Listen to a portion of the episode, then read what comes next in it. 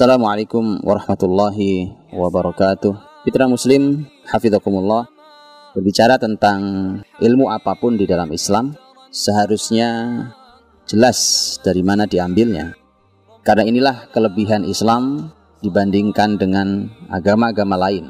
Para ulama menyampaikan bahwa kelebihan umat ini adalah umat ini memiliki sanat yang sanat atau jalur riwayat itulah yang memastikan bahwa ini benar-benar peristiwa yang asli yang otentik. Karena kalau tidak maka dia hanya akan menjadi sebuah mitos atau menjadi sebuah kisah fiktif atau yang kita kenal dengan Israiliyat. Untuk itulah Islam adalah agama yang teruji kebenarannya dan keasliannya. Mari kita lihat sebuah contoh di negeri ini yang kita sangat sulit untuk mendapatkan keabsahan kisahnya yang akhirnya kisah itu ditarik ke mana-mana menjadi sebuah kisah yang tidak jelas sebenarnya peristiwa ini terjadinya benarnya seperti apa. Yang seperti ini banyak di negeri ini. Contohnya adalah kisah tentang Wali Songo. Kita semua sering mendengarnya. Tetapi yang digambarkan kepada kita tentang Wali Songo adalah sebenarnya yang digambarkan oleh seorang sutradara dalam filmnya. Sehingga itulah yang ada di kepala kita seharusnya ada literatur yang bisa dipercaya dan menjelaskan tentang bagaimana sebenarnya kisah Wali Songo di negeri ini. Menjadi sangat aneh bukan ketika para Wali Songo adalah para ulama besar yang mereka adalah orang-orang yang mengerti ilmu Islam, mereka orang-orang yang menduduki posisi yang tinggi di masyarakatnya, yang mengawal kepemimpinan saat itu dengan ilmu Islam, yang memberikan fatwa dan bimbingan kepada masyarakat, tiba-tiba digambarkan kepada kita bahwa Wali Songo adalah sekelompok orang-orang yang klinik. Maka menjadi sangat aneh. Kemudian sulit setelah itu untuk membuktikan mana sebenarnya kisah yang sesungguhnya. Inilah bedanya ilmu di dalam Islam yang sesungguhnya dengan berita-berita yang bersebar di masyarakat apalagi hanya merupakan sebuah kisah fiktif yang dituturkan dari mulut ke mulut yang disampaikan dari kakek kepada cucunya dengan ketidakjelasan sanat sesungguhnya. Sebenarnya dahulu sejarah Islam pun disampaikan dari lisan ke lisan sebelum ditulis oleh para ulama. Disampaikan dari riwayat ke riwayat dari uh, seorang guru pada muridnya atau seorang kakek pada cucunya atau dari seorang ayah kepada anaknya tetapi mereka akan menyebutkan sanatnya sehingga bisa dicek di zaman mana pun hingga kita hari ini apakah sanat tersebut benar atau tidak benar. Sementara ada sisi lain yang harus dihati-hati, yaitu terjadinya penyelewengan sejarah, di mana ada sekte-sekte pemikiran-pemikiran sesat tertentu yang memang menggunakan sejarah untuk dipelintir, untuk diarahkan sesuai dengan pemikirannya dan sektenya. Dan inilah yang kemudian belakangan atau hari-hari ini menyebar di masyarakat. Masyarakat nyaris tidak tahu bagaimana cara membaca sejarah, nyaris tidak tahu bagaimana e, memposisikan diri di dalam mengkaji sejarah sehingga akhirnya banyak kisah-kisah yang sebenarnya tidak terjadi atau kisah-kisah yang dibuat-buat dan dimasukkan dalam sejarah Islam yang itu memperkeruh wajah sahabat, memperkeruh wajah e, generasi terbaik Islam dahulu. Nah di sinilah pentingnya kita tahu bagaimana sebenarnya kita mengkaji sejarah dengan literatur seperti apa. Literatur di dalam sejarah Islam sudah dikaji oleh para ulama hari ini dan literatur itu harus tetap literatur yang valid. Literatur itu dalam sejarah memiliki beberapa sedikit perbedaan dengan uh, kekuatan jalur riwayat yang dipakai oleh Al-Quran dan hadis Nabi Wasallam. Para ulama menyampaikan bahwa semua ayat yang ada dalam Al-Quran sampai kepada kita dengan sanad mutawatir. Sanad mutawatir adalah sanad tertinggi kesohihannya yang uh, mustahil ada orang yang sepakat untuk berdusta di sana. Adapun hadis Nabi Shallallahu Alaihi Wasallam ada yang mutawatir, tapi ada yang sahih tapi derajatnya di bawah mutawatir. Ada yang kemudian dikenal juga dengan Hasan, kemudian uh, ada yang doif dan seterusnya sampai ada yang palsu. Adapun dalam sirah Nabawiyah Tentu, Sirah Nabawiyah adalah sebuah ilmu yang mengambil juga dari Al-Quran dan hadis Nabi SAW. Literatur pertama yang dipakai oleh sejarah Islam, termasuk di antaranya Sirah Nabawiyah adalah Al-Quranul Karim. Al-Quranul Karim bukan merupakan buku sejarah. Al-Quranul Karim adalah wahyu Allah yang menjadi panduan bagi orang-orang yang beriman. Hudal linnas sebagai petunjuk bagi manusia.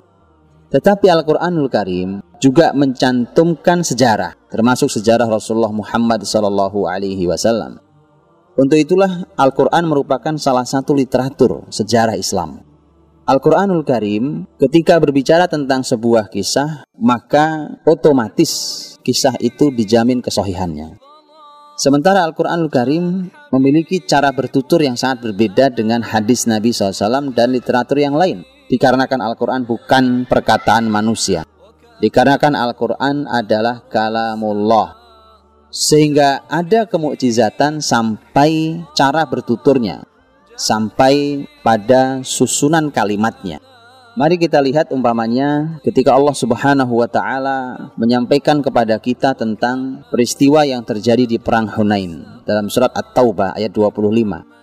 Laqad nasarakumullahu fi mawatin katsirah wa yawma Hunain id a'jabatkum kathratukum falam tughni ankum syai'an wa dhaqat 'alaikumul ardu bima rahubat thumma wallaitum mudbirin. Sungguh Allah telah menolong kalian di banyak peristiwa termasuk di perang Hunain. Ketika kalian bangga dengan jumlah kalian yang banyak, pada jumlah yang banyak itu tidak pernah berguna bagi kalian hingga sempitlah bagi kalian bumi, kemudian kalian lari ke belakang.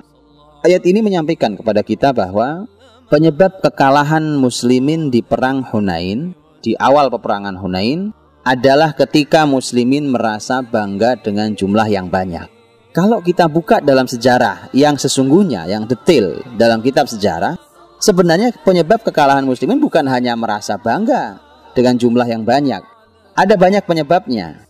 Saat itu muslimin pasukannya tiga kali lipat pasukan musuhnya dan ini cukup jarang.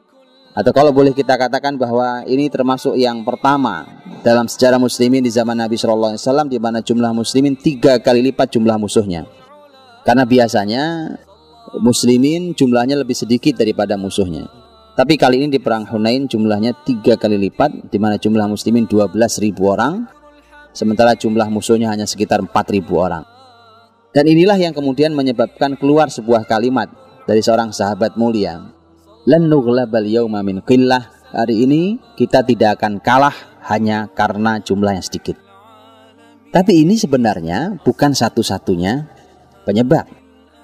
Karena salah satu penyebab yang lain, contoh penyebab yang lain menyebabkan muslimin kalah adalah muslimin tidak memiliki kehati-hatian ketika mulai turun ke lembah Hunain. Ketika muslimin masuk ke lembah Hunain, biasanya berhati-hati ketika masuki wilayah peperangan seperti itu. Tapi muslimin tidak berhati-hati, kemudian begitu masuk, muslimin dikejutkan bahwa di setiap balik gundukan pasir ada pasukan musuh yang menyerang mereka dengan anak panah. Itu membuat muslimin tidak siap, kemudian dikejutkan dan kaget, kemudian muslimin lari tunggang langgang ke belakang. Kemudian ada penyebab lain. Penyebab lain di antaranya adalah Ketika itu ketika itu muslimin diikuti oleh 2000 orang yang baru saja masuk Islam dari 10 ribu para sahabat yang sudah lama dididik Nabi Shallallahu Alaihi Wasallam ditambah 2000 orang yang baru saja masuk Islam. Tentu mereka belum belajar banyak tentang Islam dan mereka tentu juga belum tahu bahwa tidak boleh seseorang lari dari medan pertempuran. Tapi ketika 2000 orang lari ke belakang, bayangkan itu akan menjatuhkan semangat 10.000 dan akhirnya kemudian muslimin pun mundur ke belakang. Jadi sebenarnya ada banyak peristiwa atau ada banyak sebab yang menyebabkan muslimin kalah di pertempuran awal Hunain. Tetapi inilah cara bertuturnya Al-Quran. Justru di sini kita mendapatkan pelajaran bahwa pertama, Al-Quran bukan buku sejarah, tapi yang kedua, Al-Quran ingin memberikan penekanan permasalahan. Bahwa semua masalah yang muncul disebabkan awalnya karena muslimin merasa bangga dengan jumlahnya. Ketika muslimin bangga dengan jumlah yang banyak, efeknya adalah muslimin tidak berhati-hati ketika mereka e, memasuki lembah Hunain. Mereka sangat percaya diri sampai mereka lalai. Dan itulah yang kemudian menyebabkan efek-efek berikutnya. Dan ternyata ini menjadi pelajaran mahal sekali buat kita semuanya hari ini bahwa jumlah yang banyak yang kita miliki tidak pernah menentukan apa-apa. Falam tuni ankum bahwa itu adalah hal yang sebenarnya tidak bisa menolong kalian. Falam tughni ankum syai'a. Untuk itulah muslimin tidak pernah seharusnya muslimin tidak pernah boleh lalai hanya karena jumlah banyak di atas kertas. Jadi ini pelajaran yang Allah sampaikan. Belum lagi ketika nanti kita menggali, membahas bahwa ayat ini Allah letakkan di dalam surat At-Taubah. Surat At-Taubah adalah atau yang juga disebut dengan surat Al-Bara'ah adalah satu-satunya surat yang Allah Subhanahu wa taala tidak memulainya dengan basmalah. Dan isi At-Taubah memang berisi tentang kemurkaan Allah Subhanahu wa taala jadi seakan pas sekali, seakan kita diberi pelajaran dan pas sekali bahwa ayat ketika muslimin membuat Allah murka, maka kemudian mereka mendapatkan kekalahan. Beginilah kurang lebih Al-Quran kita pelajari untuk sebuah ilmu yaitu ilmu sejarah. Jadi Al-Quran punya cara bertutur yang mukjizat yang di dalamnya terdapat pelajaran yang sangat mahal. Al-Quran juga terkadang memberikan keputusan dari perbedaan pendapat yang suka kita dengar. Umpamanya, kalau kita buka di dalam buku sejarah, kita akan menjumpai bahwa sebenarnya terjadi perbedaan pendapat di antara para ahli sejarah di usia Nabi berapa tahun ayahnya meninggal. Itu ada perbedaan pendapat sebenarnya. Tetapi Al-Quranul Karim memberikan kepada kita keputusan yang jelas. Bukankah Allah berfirman, Alam yajidka yatiman fa'awa. Bukankah Allah Subhanahu wa taala menjumpaimu wahai Muhammad dalam keadaan yatim, kemudian Allah melindungimu. Itu artinya bahwa uh, Allah Subhanahu wa taala menyampaikan bahwa nabinya yatim. Itu artinya bahwa uh, bisa dipastikan nabi kita adalah yatim. Dengan demikian maka semua pendapat yang tidak mengatakan bahwa e, nabinya yatim maka berarti salah karena Allah menyampaikan dengan jelas alam yajidka yatiman fa'awa. Ini contoh-contoh dan e, betapa Al-Quran walaupun dia bukan buku sejarah tapi menjadi literatur yang paling valid, paling kuat dan paling benar dan yang lebih menarik lagi Al-Quran bertutur dengan cara mukjizat sehingga kita mendapat pelajaran sangat banyak. Kalau kita pergi ke surat Al-Hasyr, surat ke-59 dalam Al-Quran kita akan menjumpai bahwa satu surat ini oleh Ibnu Abbas radhiyallahu anhuma, pakar Al-Quran dari kalangan sahabat ini disebut oleh beliau sebagai surah An-Nadir, surat Bani Nadir. Bani Nadir adalah satu kelompok Yahudi yang besar yang ada di yang tinggal di sekeliling kota Madinah saat itu. Dan Rasulullah Shallallahu Alaihi Wasallam memberikan keputusan untuk mengusir Yahudi Bani Nadir karena pengkhianatan mereka terhadap perjanjian. Jadi tidak sederhana ketika kita membaca sejarah Yahudi Bani Nadir dan dalam sejarah panjangnya itu tidak sederhana pengkhianatan mereka sehingga mereka harus mendapatkan hukuman diusir dari kota Madinah. Dan lagi-lagi surat Al-Hasyr, surat Al-Quran tidak sedang berbicara detail tentang masalah sejarah pengusiran Yahudi Bani Nadir. Walaupun ada kisahnya, bahkan itu panjang lebar. Tapi Allah selalu ingin memberikan pelajaran dan kita diminta untuk mengambil pelajaran Itulah mengapa di surat Al-Hasyr Allah memulai di antaranya dengan kalimat fa'tabiru ya ulil absar. Maka berilah, maka ambillah e, ibrohnya, ambillah pelajarannya wahai orang-orang yang memiliki fikiran. Ini adalah cara Quran bertutur di mana kita akan mendapat pelajaran banyak di surat Al-Hasyr. Umpamanya pelajaran tentang e, bagaimana dahulu para sahabat mengusir orang-orang Yahudi. Orang-orang Yahudi yang terkesan solid di mata muslimin itu ternyata bisa dikalahkan bahkan dari tempat yang tidak mereka duga.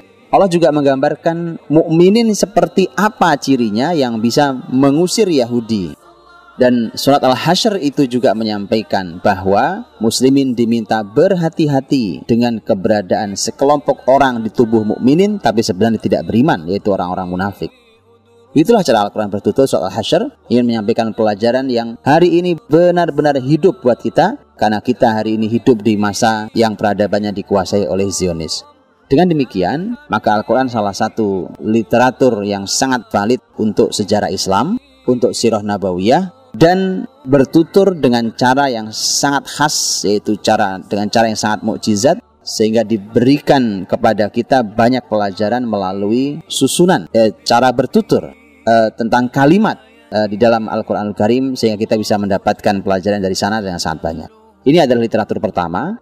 yang ketika kita membaca sirah nabawiyah maka cobalah gali dalam Al-Quran. Al-Quran menuturkan dengan cara apa dan itulah pelajaran terbesar yang harus kita ambil untuk peristiwa di dalam sirah nabawiyah. Mudah-mudahan hari ini bisa kita ambil hikmah dan pelajarannya. biru ya ulil absar. Ambillah pelajarannya wahai orang-orang yang berfikir. Assalamualaikum warahmatullahi wabarakatuh.